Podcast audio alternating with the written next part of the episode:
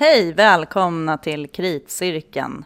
Nu är vi tillbaks igen och den här gången så kommer vi att berätta om när vi var i Belgrad på Bitef-festivalen och en kongress för den internationella teaterkritikerföreningen International Association of Theatre Critics.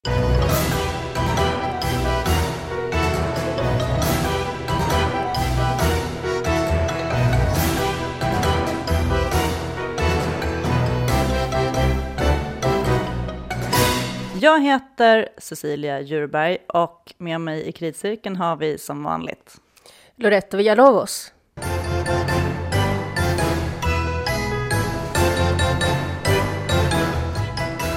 Ni som lyssnade på förra avsnittet av Kritcirkeln kanske minns att vi hintade lite grann om att vi snart skulle avslöja vilka som tilldelades Medea teaterpris. Och jag var en av de som satt i juryn och vi kanske bara ska berätta snabbt vilka det var som fick priser. Och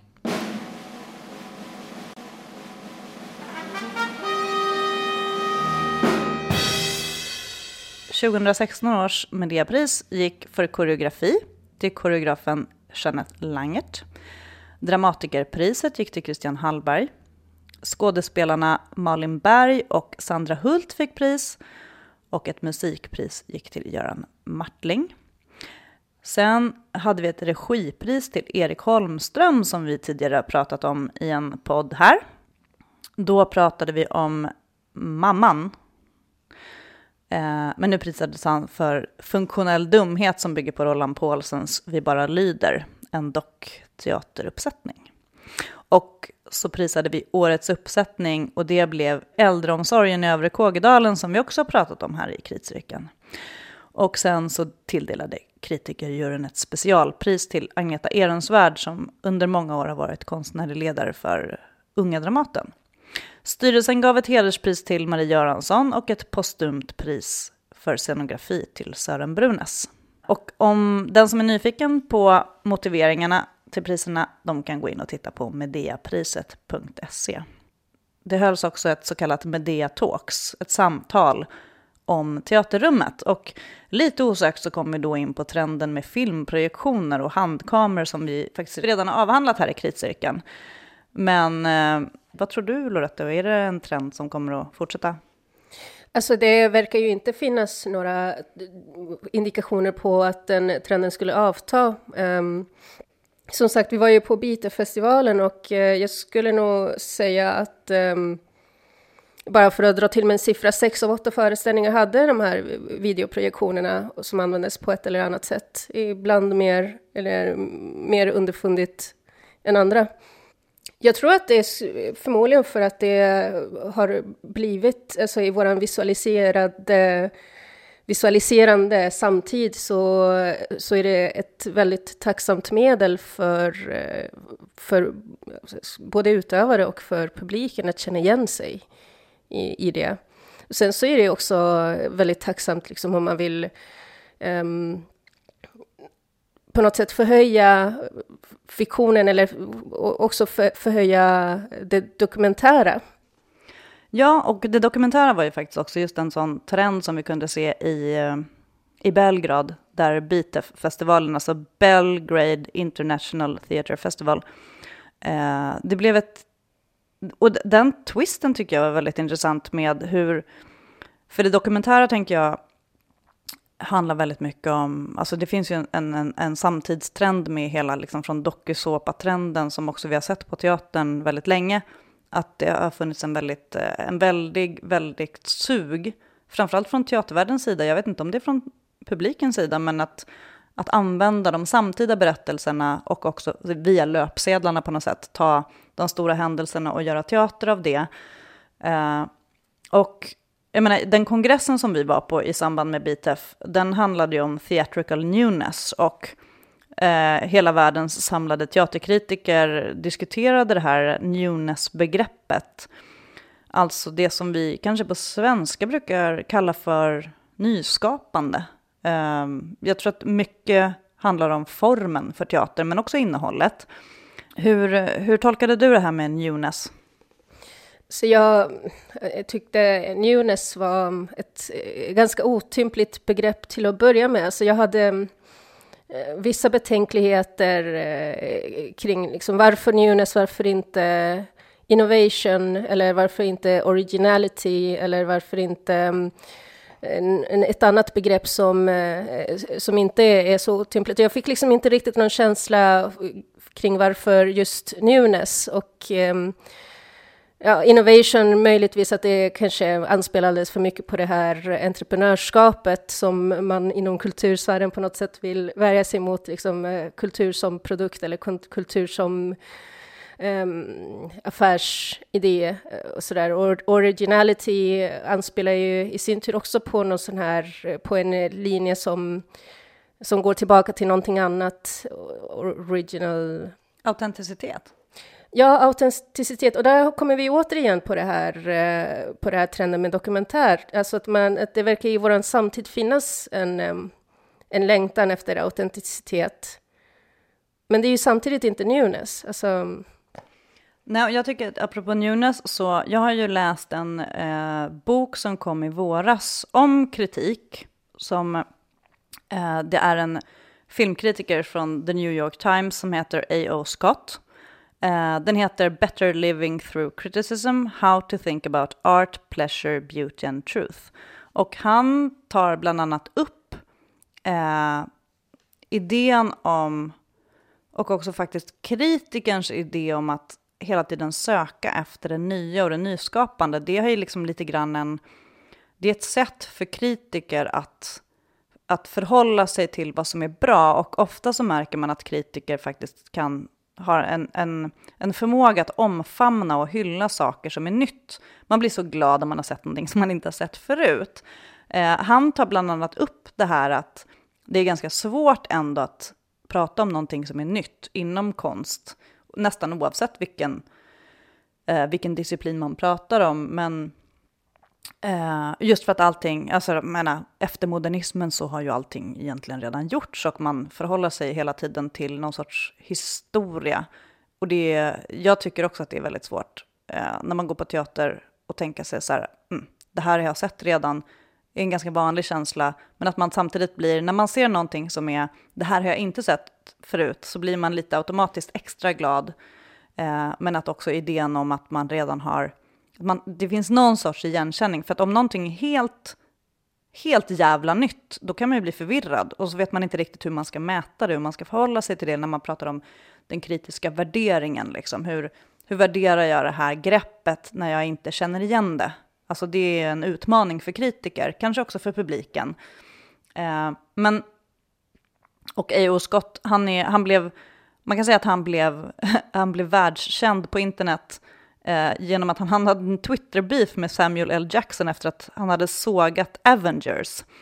Eh, och eh, det, här, det här är också någonting som han tar upp i sin bok. Eh, och Samuel L. Jackson skrev på Twitter att A.O. Scott needs a new job. Let us help him find one. One that he can actually do. Och, sen så, och då använder Scott det här i sin bok och, eh, och förhåller sig till det på ett ganska kreativt sätt och lite grann utmynnar sin tes om vad som är kritikerns roll och det kanske är att inte vara på fansens sida eller på utövarnas sida utan vara den som har en egen blick och ett eget förhållningssätt. Men han problematiserar det väldigt intressant också. För att jag menar en, en stor Hollywoodproduktion om jag inte minns det helt fel så, så eh, en del av hans kritik är ungefär, bygger lite grann på att den här kommer ju, ja, den här filmen är ju i princip en, en bankomat för filmbolaget i alla fall, så den kommer ändå känna det den vill. Men eh, som kritiker så behöver man ändå på något sätt ha ett annat perspektiv. Och fansen kommer ändå gilla det, men att liksom vi kritiker tittar, vi har en annan blick och vi har andra önskemål på konstformen. Um, och just när vi var i, i Belgrad på den här äh, kongressen så eh, det var ett par föreläsare som återkom till det här ändå problematiska förhållningssättet till newness och nyhetens behag, eller vad vi nu ska, eh, hur man nu ska använda det begreppet. Eh, Men att, eh, att all konst på något sätt bygger på tidigare konst och Jeffrey Eric Jenkins, som är professor of theater i, på the University of Illinois i USA, han föreläste och han pratade, han hade något citat som handlade om liksom the new is old and the old is new. Och även en annan föreläsare, Emmanuel S. Danjura från Nigeria, sa att the new and old are relative terms. The new is only relevant because there is old. Och där någonstans så kommer vi ju kanske tillbaka till vad som är det viktiga hos en kritiker. Att kritikerns kompetens att följa teaterlivet eller konst, konsten långsiktigt blir väldigt viktigt. För att har man inte ett uppdrag att man fortsätter att följa den här konstformen så kommer man inte heller kunna att ut, urskilja vad som är det nya. Eh, vad är ett nytt uttryck och är det här nu uttrycket bra, tillför det någonting? All den kompetensen som den traditionella kritiken då, som vi inom kritikervärlden brukar betrakta som lite hotad jämfört med all den andra kritiken som för sig går på, på nätet och sociala medier, i Facebook-trådar, att alla kan tycka lite vad de vill om saker. Eh, det finns ändå någonting där som, som den klassiska kritiken ändå kan tillföra i att ha en, liksom en kontinuitet i att bevaka den här konstformen. Eh, och om det, nu, om det nu ens är intressant med newness eller nyskapande, det, det, menar, det kan vi ju, den frågan är ju, kan man ju fortsätta ställa. Ja, alltså jag tycker överhuvudtaget, alltså, ja, det finns ju en, eh, det här fenomenet med, med newness, eller den här besattheten med nyhet eller nyskapande, så här, men det är ju någonting som förekommer generellt i vår tid, som du sa, efter modernismen, allting har blivit gjort och på likartat sätt så skulle man ju liksom kunna säga att allting har blivit tänkt. Och det är också ett problem som, som inom akademin förekommer, att man på något sätt försöker positionera sig mot, mot det gamla. På något sätt. Vi har ju liksom alla de här posttankegångarna.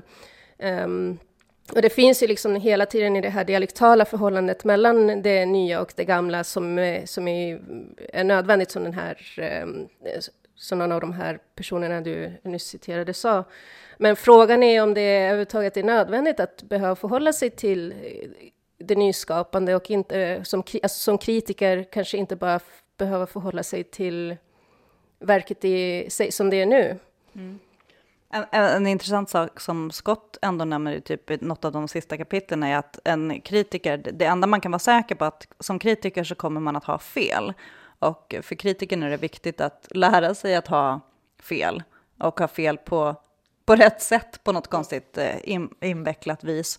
Men, eh, men också så här, det, det jag tänker är att jag tror att kritiken ägnar väldigt mycket eh, energi åt att så här, hävda sig i den, det stora mediala, liksom, brusiga mediebruset. Och nyheter är ju det som vi har lärt oss. Jag menar, vi som är journalister och publicister har lärt oss att om det inte är en nyhet så kommer vi inte att komma med. Liksom. Alltså, vi, får inte, vi får inte ens räcka upp handen om inte vi hävdar att jag vill prata om den här föreställningen för den är ny, liksom, eller nyskapande. Det har blivit liksom, Eh, det viktigaste eh, kriteriet för att överhuvudtaget få nämna någonting. Ja, alltså jag tänker ju liksom också eh, apropå och som kritiker få göra sig hörd eh, i, i det här mediebruset och liksom de eh, eh superlativ som man använder sig av. Alltså, en ganska intressant grej uppstod eh, för mig ganska nyligen med ehm, föreställningen Den goda människan i Setsan som jag hyllade till skyarna eh, och som eh, bland andra eh, Lars Ring och Leif Zern eh, totalsågade. Eh, och frågan är om inte de här eh, superlativen kanske från båda hållen kanske hade blivit mer jämna om det liksom inte hade varit för att eh, vi eh, på något sätt samtliga vill, eh, hade velat synas i det här liksom presscitatsdjungeln och googlingar och sådär. Men, men, känner du, för att jag vet att man blir misstänkt eh, för det som kritiker, men, men när man skriver, eller jag kan faktiskt helt ärligt tänker inte så när jag skriver eller formulerar mig. Däremot så tänker jag att såklart att man vill formulera sig klatschigt. Men Eh, jag tycker att det är, eh, det är jävligt intressant att diskutera och tänka på det, för att jag tänker att man på något sätt förhåller sig till det, men inte just i skrivande stunden, eller gör du det? Nej, det gör jag ju inte. Alltså absolut inte alls, utan eh, jag, ja, jag ville ju på något sätt, jag tyckte om den. Mm. Och jag ville ju liksom på något sätt få fram den och sen så i mina, att, i mina argument för det så kommer det ju fram vissa formuleringar som eh, sen teatern blir glada för och eh, i motsvarande fall som teatern blir mindre glada för. Alltså det blir ju liksom mm. väldigt på något sätt pregnanta uttryck som man använder sig av för att kunna i begränsat eh, teckenantal, eller i ditt fall som pratar i radio, i begränsade minutantal, eh, bara få fram sitt budskap. Mm. Vad var det som var så bra med den då? Berätta. Nej, alltså jag, jag tyckte att den eh, på något sätt Eh, gick över i, alltså det här överspelet som, eh, jag tror att det var Larsing som inte tyckte om det. Jag tyckte, jag tyckte att det var bra, jag tyckte att det var ett roligt grepp att de här eh, figurerna i, i Den goda människan i Setsuan framställdes som groteska typer, nästan som en eh, trippad commedia dell'arte jämför jag det med i min recension. Um, jag, tyckte liksom, jag tyckte att det var ett smart grepp, det tyckte inte han. Konstnärer tycker olika. Ja. Eh, och den spelas på Uppsala stadsteater? Jajamän, det gör den. Um, Sunil Munshi som har regisserat.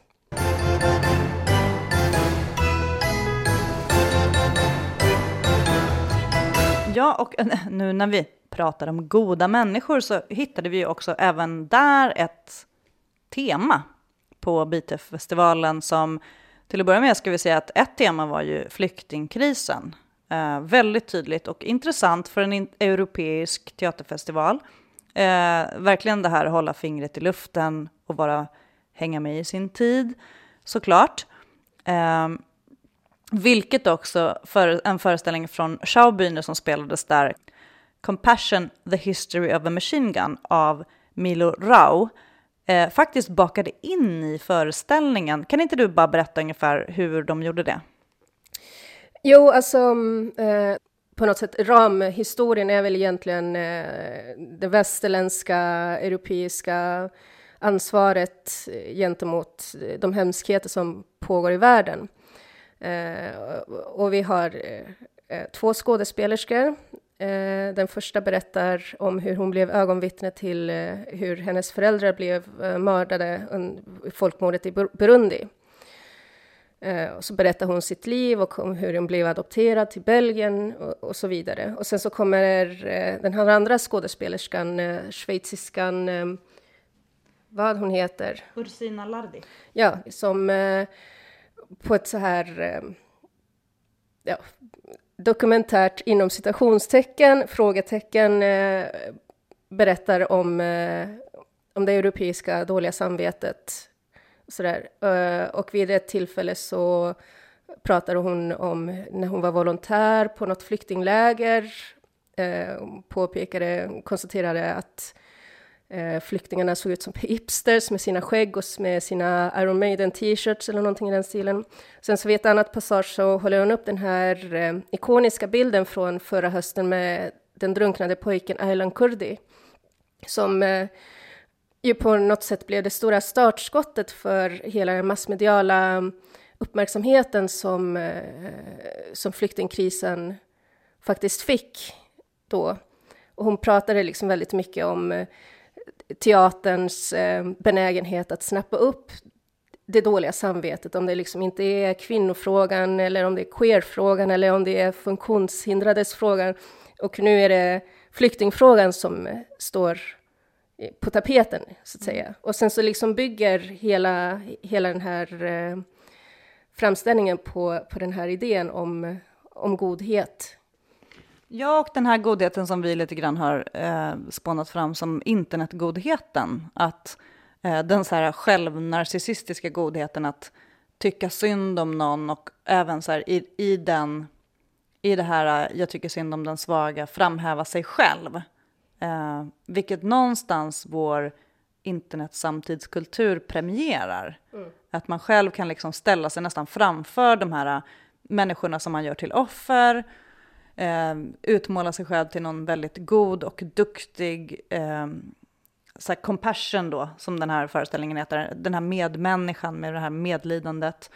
Eh, och eh, framförallt också då hur teatervärlden använder sig av det här Lite grann kan man misstänka, nu, nu sägs inte det i föreställningen, men lite grann för att sälja biljetter mm. faktiskt. Jo men definitivt, alltså jag menar jag tycker liksom att jag ser, eh, jag ser teater om flyktingkrisen hela tiden och jag har förmodligen gjort så i, i ja, hela det här året, om inte längre. Alltså jag tror att det här året började med, med Lampedusa, eh, som ju handlar om, om den här liksom ön dit, där eh, flyktingar hamnar. Sen så har jag liksom, det, var på, det var på Kilen. Mm. Um, kan återkomma med credits. um, och ja, flyktingkrisen verkar återkomma hela tiden det här året. Um, det finns inte ett verk som inte liksom på något sätt parafraserar det. Jag tyckte till exempel att Den goda människan i Tsetsuan uh, nämner det i förbifarten, eh, men de är så många, de får inte plats. Alltså att det blir liksom, kanske, kanske inte att det var så här eh, ett medvetet grepp från, eh, för, i, i själva liksom föreställningen eller i verket som sådant, men att man liksom så här på något sätt har radan öppet för, för de här orden och för de här sloganen som dyker upp. Även Medea som jag såg på Uppsala stadsteater i våras hade det här eh, flyktingkrisen-temat med det är synd om Medea hashtag liksom.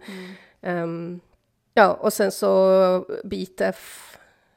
Men det, det, eh, det, är ju särskilt intressant också att en, en, festival i Serbien då har det här temat. Eh, för att du såg ju alldeles nyligen en ytterligare en föreställning, den här av Astrid Menasach Tobiasson på var det Kilens stadsteatern, Stockholms stadsteater, som utspelar sig på gränsen då mellan Serbien och Ungern. Berätta lite grann om den. Ja, um, den utspelar sig på, på ett nattåg någonstans i Europas, typ Makedonien står det i programmet tror jag, men någonstans där i Balkanområdet, liksom där det um, under förra året eh, blev liksom väldigt mycket uppmärksammat att det blev liksom den här transitzonen för, för flyktingarna. Um, och det är ett verk som utspelar sig, som är inspirerad um, av en verklig händelse som uh, Astrid uh, Tobiasson Menassage var med om då uh, fick uh, vara vittne till en situation av människosmuggling. Um, och det är liksom den här, de här personerna som står utanför och är vittnen till, till den här utsattheten som de här personerna är och det liksom är så, ja, mm, eh, civilkuraget ställs på prov och vem är god, vem är ond? Um, vad gör man liksom? Vad var det för typ av föreställning om man ska tänka formmässigt? Alltså den, var, den, är ju väldigt, den är ju väldigt poetisk, den är liksom, ligger väldigt mycket och flyter ovanför ytan. Den är liksom inte, um, alltså det är ju ett kammarspel för att den utspelar ju sig på ett tåg, men samtidigt så är scenbilden eh, sådan att det utspelar sig på, på det här, alltså scenbilden består av det här fältet där de här hundratals flyktingarna har sprungit mot det här tåget. Um, så det blir liksom en väldigt så här spänningsfält mellan uh, det realistiska och det drömska och poetiska. Men förhållningssättet till det dokumentära då, om man ska återknyta till, till Schaubühne-pjäsen och, och det temat, för där hade vi ju faktiskt, det som var intressant där tycker jag var att de planterade in att, hmm, glöm inte att det här är teater. Det här kanske inte riktigt stämmer. Den lilla liksom vinkeln tycker jag var lite grann, inte ny, men, men den, den ble, nu när man har sett den så såg vi den, vi såg den flera gånger då i Belgrad. Hur, hur var det med Nattpassage? Kände man att det var, skulle, var den insåld som en dokumentär, ett dokumentärt konstverk? Eh, både ja och nej, för att alltså, i och med att eh, Stågerillan som, eh, som teaterkompani har ju tidigare eh, gjort en sak av att ta upp aktuella händelser och eh, på något sätt eh, skapat en eh, teatral fiktion av eh, autentiska situationer.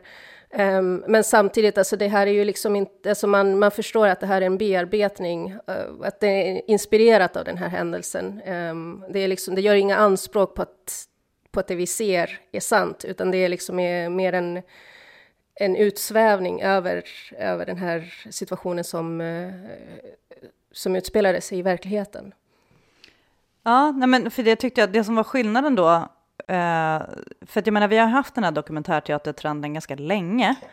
Eh, men just då när vi var i Belgrad så fick vi den här, liksom just, menar, i Schaubühne-pjäsen så planterades in så här, är det verkligen på riktigt eller inte?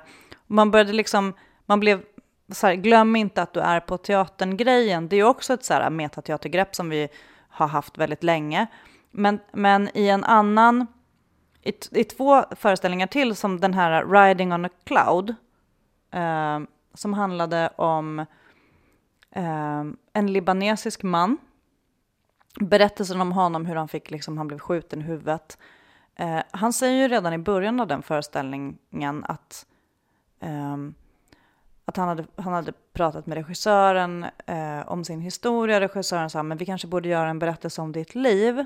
Och då säger han, ja men, men, men är verkligen mitt liv någonting Eh, är det verkligen någonting att berätta om? Och då hade regissören sagt ja, men då får vi väl hitta på lite. Och så hade man det med sig hela föreställningen och efter det, åtminstone i min upplevelse, att alla hans liksom berättelser och han hade också väldigt dokumentärt material som han projicerade. Det var liksom brev och det var massa dokument och eh, berättelsen om hans liv blev styrkt av någonting som såg dokumentärt ut så satt man man hade medvetenheten om att han har sagt där någonstans att de kanske kommer att hitta på. Och till slut så vet man inte, alltså jag upplevde den föreställningen som jättestark, eh, jätteengagerande. Och hela tiden så hade man, det skaver lite grann i att de har sagt att de kanske hittar på, men jag måste nästan välja hur jag ska förhålla mig till det här. Och så inser jag lite grann att jag blivit ditsatt som publik, eller hur kände du?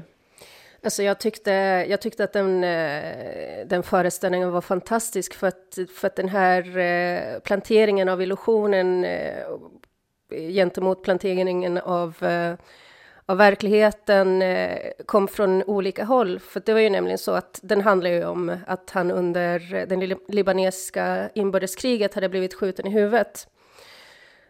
Vilket man då förstår liksom, se under pjäsens gång att han Eh, lider av eh, någon typ av minnesförlust. Um, så att man liksom så här, eh, ja, huruvida det som man berättar är sanning eller en konstruktion är ju på något sätt redan i den dramaturgin närvarande. Och sen så överhuvudtaget, alltså jag tänker liksom så här på, på min egen forskning, jag forskar om eh, vittnesmål av den chilenska diktaturen och eh, hur liksom hur överhuvudtaget vittnesmål av krig är ehm, konstruktioner som eh, inte nödvändigtvis är autentiska, inte för att, liksom att människor sitter och ljuger, utan för att man eh, på något sätt komponerar, alltså det är liksom en, det är en komposition av en, eh, av en berättelse. Jag tyckte att just den, eh, den grejen kom fram väldigt, väldigt snyggt i den här.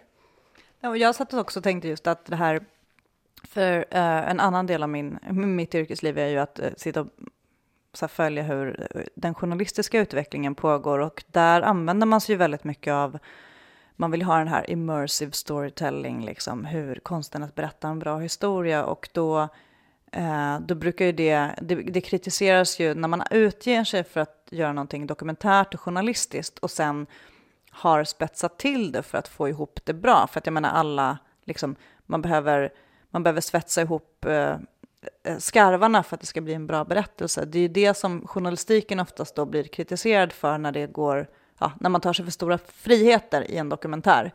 Medan på teatern så är det ju, idén är ju att det ska ju vara, alltså herregud, teater får ju vara hur mycket fiktion som helst. Men att de där sammanblandningarna av eh, verklighet och fiktion har varit så himla, alltså det har verkligen varit en, hel, en fixering hos teatervärlden vid att att använda det dokumentära greppet så himla länge.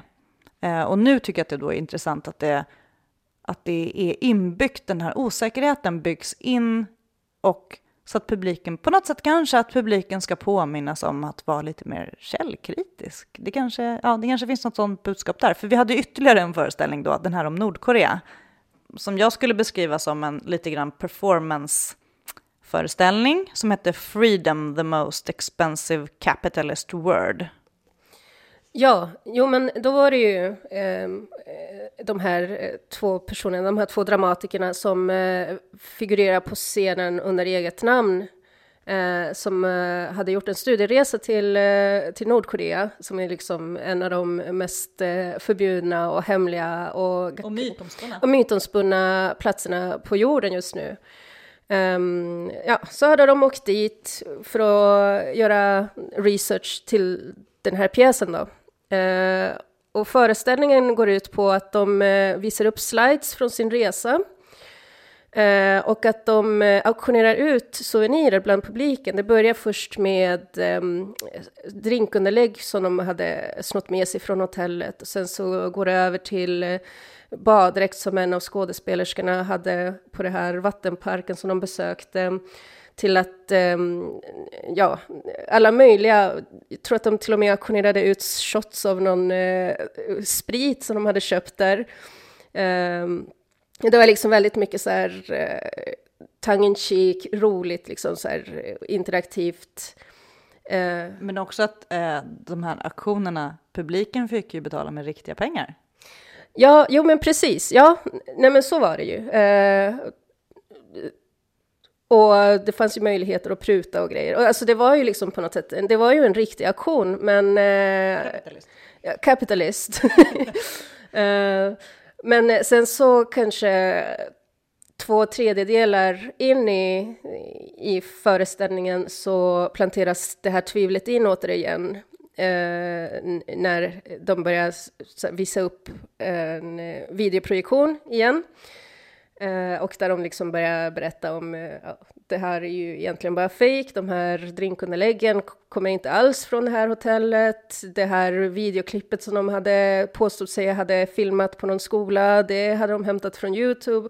Eh, den här bilden på den här muren, det var i själva verket Berlinmuren och så vidare. Liksom.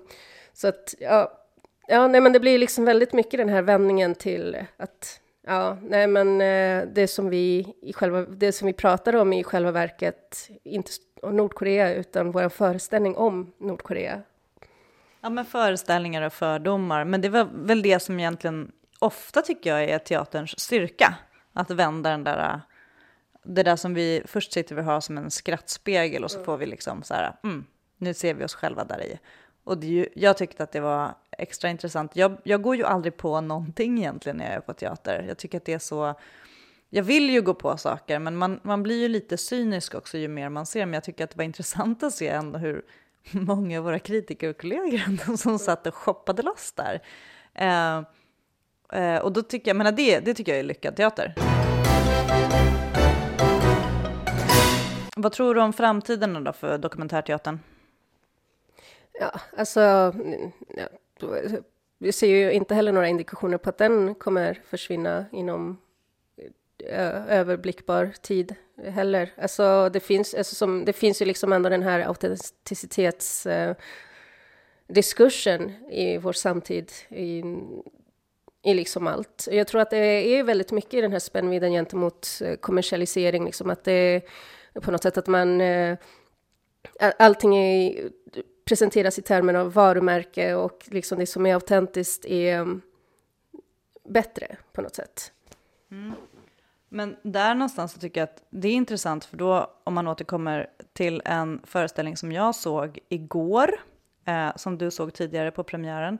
Det är den här Flyktdjur av Kristina Osonidis i regi av Nathalie Ringler som går på Teater Galeasen nu. För att där har vi ju godhetsnarcissismen är med, Flyktingkrisen är med, men det är absolut inte övertydligt, utan det är en extremt filosofisk text, ganska, eller rejält avancerad text för att vara dramatiker. Den som känner till Kristina Osonidis vet hur hon kan vara. Eh, och eh, jag, tycker, jag satt där och lyssnade och tänkte så här, det finns otroligt mycket balla citat i den här som man skulle vilja ha med sig. Men eh, om vi ska eh, ta någonting, Loretto, du kanske kan läsa lite ur manuset som jag bad att få här, den här eh, just om godheten. Jo, eh, Lina Englunds eh, rollfigur säger vid ett tillfälle den här känslan av godhet hindrar mig alltid från att ingripa. Jag tycker inte om mig själv som god. Och sen så på sidan efter så är det ehm, en annan av rollfigurerna som säger jag är så trött på den här narcissistiska hjälpsamheten. Ja, men, alltså det handlar ju om egentligen allt det som vi har pratat om, om eh, den här liksom trendspaningen. Vad är det som är, vilken typ av utsatthet är det mm, som är het att diskutera just nu, om det liksom nu är flyktingkrisen eller eh, ja, sexuella övergrepp eller eh, rasism eller, eller sådär. Det, är liksom, det finns ju på något sätt alltid en eh, självbespegling av, eh, gentemot de utsatta på något sätt. Alltså det finns ju liksom, eh, det finns ju en, eh, en, eh, en, position av dominans i att vara den som kan hjälpa. Ja, det är maktförhållandena där. Men eh, vad var det du skrev när du recenserade den här pjäsen? För det man, eh, den här föreställningen är ju, texten blir väldigt dominant. För det är en väldigt, som jag sa, en väldigt avancerad och väldigt filosofisk text. Eh, det är tre röster i någon sorts kör. Du beskrev den som en typ av grekisk kör. Eh, och eh, en eh, väv av, hur, hur formulerar du dig? Jag skrev någonting om att eh, det blir liksom som en, eh, som en väv av miljontals trådar som är liksom väldigt intellektuella. Och jag märkte det också när jag skulle skriva den här recensionen, att alltså det är väldigt liksom svårt att, att recensera den som sådan, att man, eh, man och man, att jag satt och ville på något sätt um, väva in mig i det här uh, sättet att skriva, i det här sättet att resonera. Jag känner ju liksom också när jag läser min recension i efterhand att den är ju väldigt mycket att den eh, plockar upp inte så mycket liksom formuleringar och citat som sådant, för jag hade ju liksom inte manus, det går ju inte att memorera texter på det sättet, men att jag liksom på något sätt förhöll mig till, till verket på det eh, på ett väldigt eh, inspirerat sätt av henne.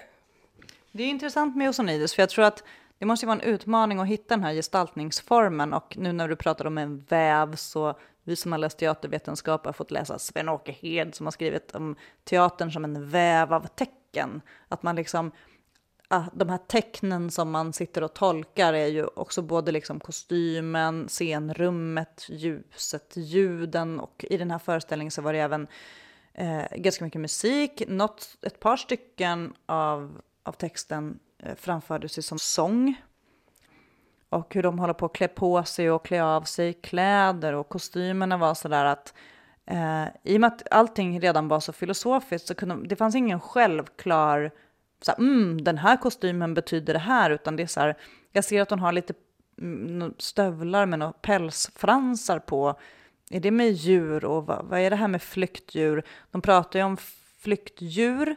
Eh, de pratar konkret om hästen som vill fly och spänner sina muskler. Men sen så, så liksom smyger det över i den här eh, flyktingen eller flyende människan, men det är absolut inte övertydligt. Det är väldigt så här, det är symboliskt, men symbolerna är inte självklara. Ja, och sen så det här koloniala eh, blicken dyker ju också upp på ett så här, och det är liksom inte förrän de eh, faktiskt påpekar att eh, vi har kläder med eh, djurtryck på. Alltså min, någon hade tights med leopardmönster och någon hade zebratryck eh, eller någonting sånt. Eh, att de liksom påpekar det någonstans i texten och sen så tror jag att det var Lina Englund som började göra en, eh, en dans som är liksom den här typiska stereotypa klichédansen som man föreställer sig ska vara afrikansk dans. Liksom att det är eh, på något sätt att det liksom är väldigt smart, att man är väldigt medveten om, eh, om de här klichéerna också med, med det djuriska och med eh, det förhållandet människa-djur och sådär. Ja, nej men jag tycker, jag, alltså jag kände också så här, det är fantastiskt flyktdjur av Osonidis. Det, den, är, den kryllar av så one-liners och fantastiska citat. Jag fastnade för ett som var din ensamhet är ditt mest lyckade projekt. Den är inte alls munter på något sätt, men ändå fantastisk textmässigt. Ja, det var allt vi hade från kritcirkeln den här gången och vi vill gärna passa på att säga att några av föreställningarna som vi har pratat om, som vi såg på Bitef-festivalen i Belgrad, faktiskt är Sverigeaktuella under hösten. Eh, Schaubühnes Compassion, the History of a Machine Gun gästar Backa Teater i Göteborg den 11 och 12 november och Riding on a Cloud kommer till inkomst i Malmö den 27 oktober. Och jag säger tack till min kollega Loretto Villalovos. Själv heter jag Cecilia Djurberg och om ni vill prata med oss så finns vi i sociala medier.